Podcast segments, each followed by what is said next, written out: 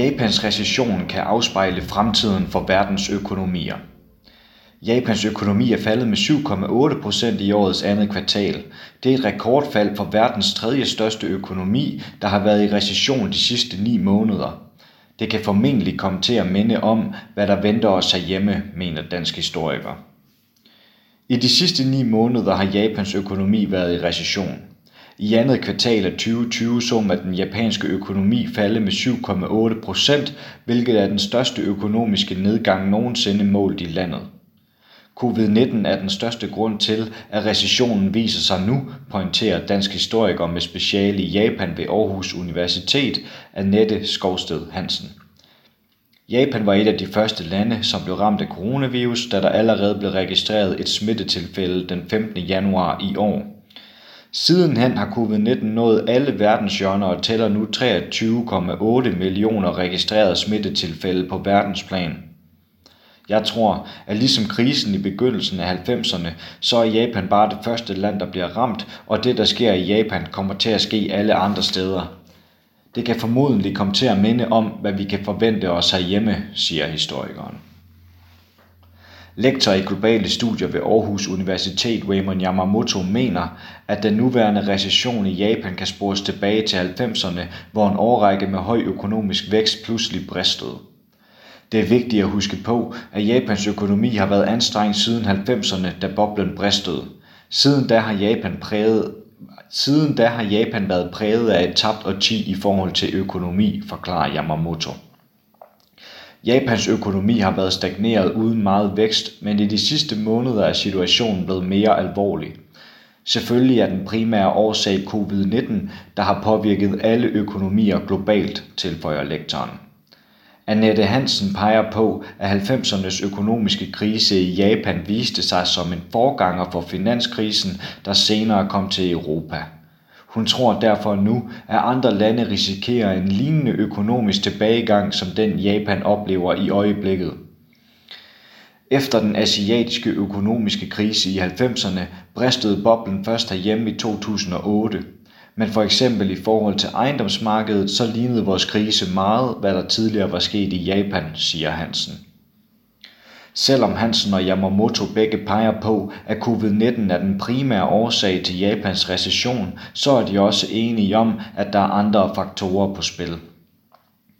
Ligesom vi i Danmark betaler moms, så har Japan også en forbrugsskat. Jeg var i Japan i 90'erne, hvor forbrugsskatten først blev indført, og det reagerede forbrugerne på med det samme, siger Hansen. I oktober sidste år blev forbrugsskatten hævet til 10 procent, og det har nok haft en betydning for den nuværende recession, tilføjer hun. Ifølge BBC har Japans regering hævet forbrugsskatten på stort set alle varer og ydelser. Den højere forbrugsskat skal bruges til at betale af på landets enorme offentlige gæld og finansiere uddannelse af børn i indskolingen. Men det kan tyde på, at den højere forbrugsskat har givet bagslag. Covid-19 kom på et meget uheldigt tidspunkt. Siden forbrugsskatten blev hævet sidste år, har japanerne brugt færre penge end normalt. Dette er problematisk for Japan, hvor økonomien afhænger af indlandsk forbrug. Det er her, hvor flest penge bliver genereret, forklarer Yamamoto. Annette Hansen mener, at coronaepidemien og den hævede forbrugsskat påvirker forbrugerkulturen i Japan, da japanere er kendt for at spare op. De har tradition for at spare op, før de forbruger. Så hvis de har indtryk af, at der kommer fare på den lange bane, så sparer de mere op, og det vil sige, at de forbruger mindre.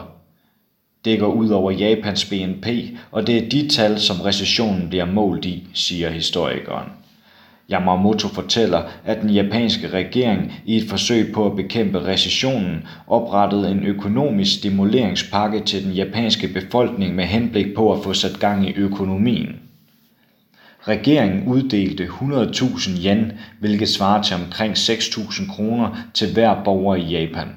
Regeringen forventede, at folk ville bruge pengene og stimulere økonomien, forklarer lektoren. Men japanerne er bange for fremtiden, så i stedet beholdte de pengene. De vil have en opsparing til fremtiden, fordi de ikke ved, hvordan økonomien udvikler sig. Yamamoto er lige hjemvendt fra en rejse i Japan, hvor han med egne øjne kunne se, hvordan recessionen påvirker den japanske befolkning. De fleste mennesker i Japan arbejder i meget små virksomheder bestående af 1 til ansatte.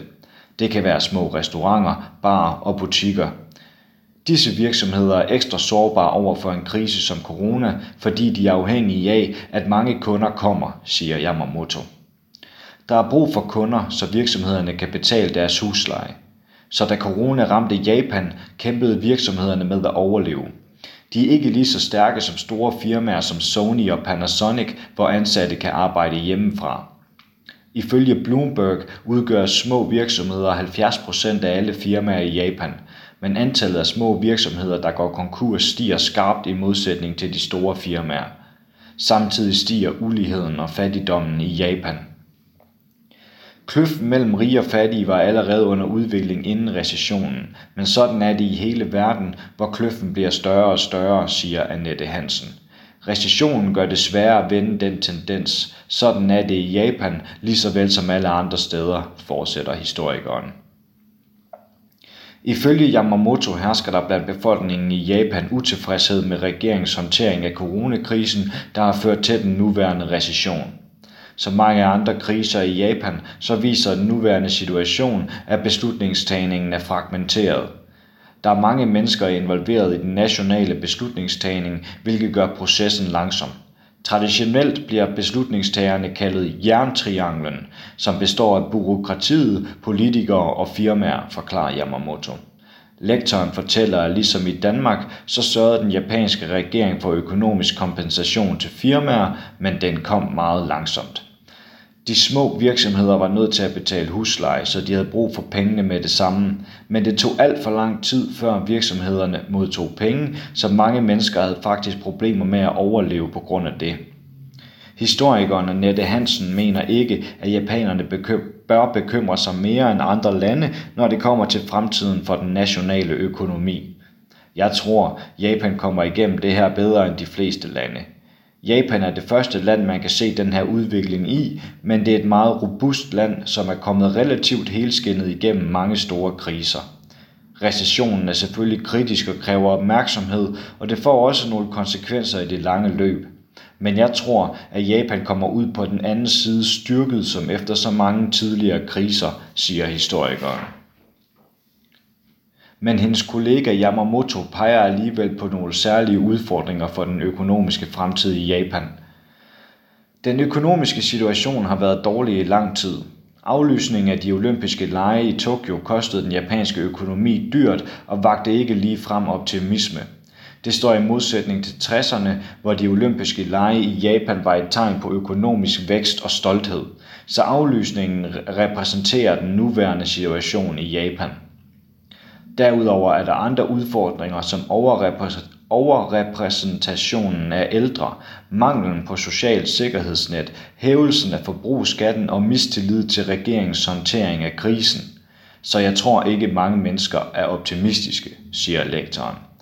Men vi bliver nødt til at skelne mellem folks følelser og regeringens håndtering af coronakrisen.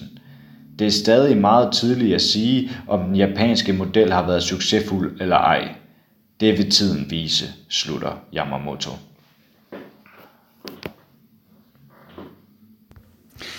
Du har lyttet til en artikel fra Arbejderen. Abonner på vores podcast på iTunes, eller hvor du ellers hører din podcast. Du kan også klikke ind på arbejderen.dk for meget mere journalistisk indhold. Du er også velkommen til at følge Arbejderen på YouTube, Facebook, Instagram eller Twitter, samt tilmelde dig Arbejderens daglige opdatering på Messenger. Vil du i kontakt med redaktionen, kan det ske ved at sende en mail til redaktion Tak fordi du lyttede med.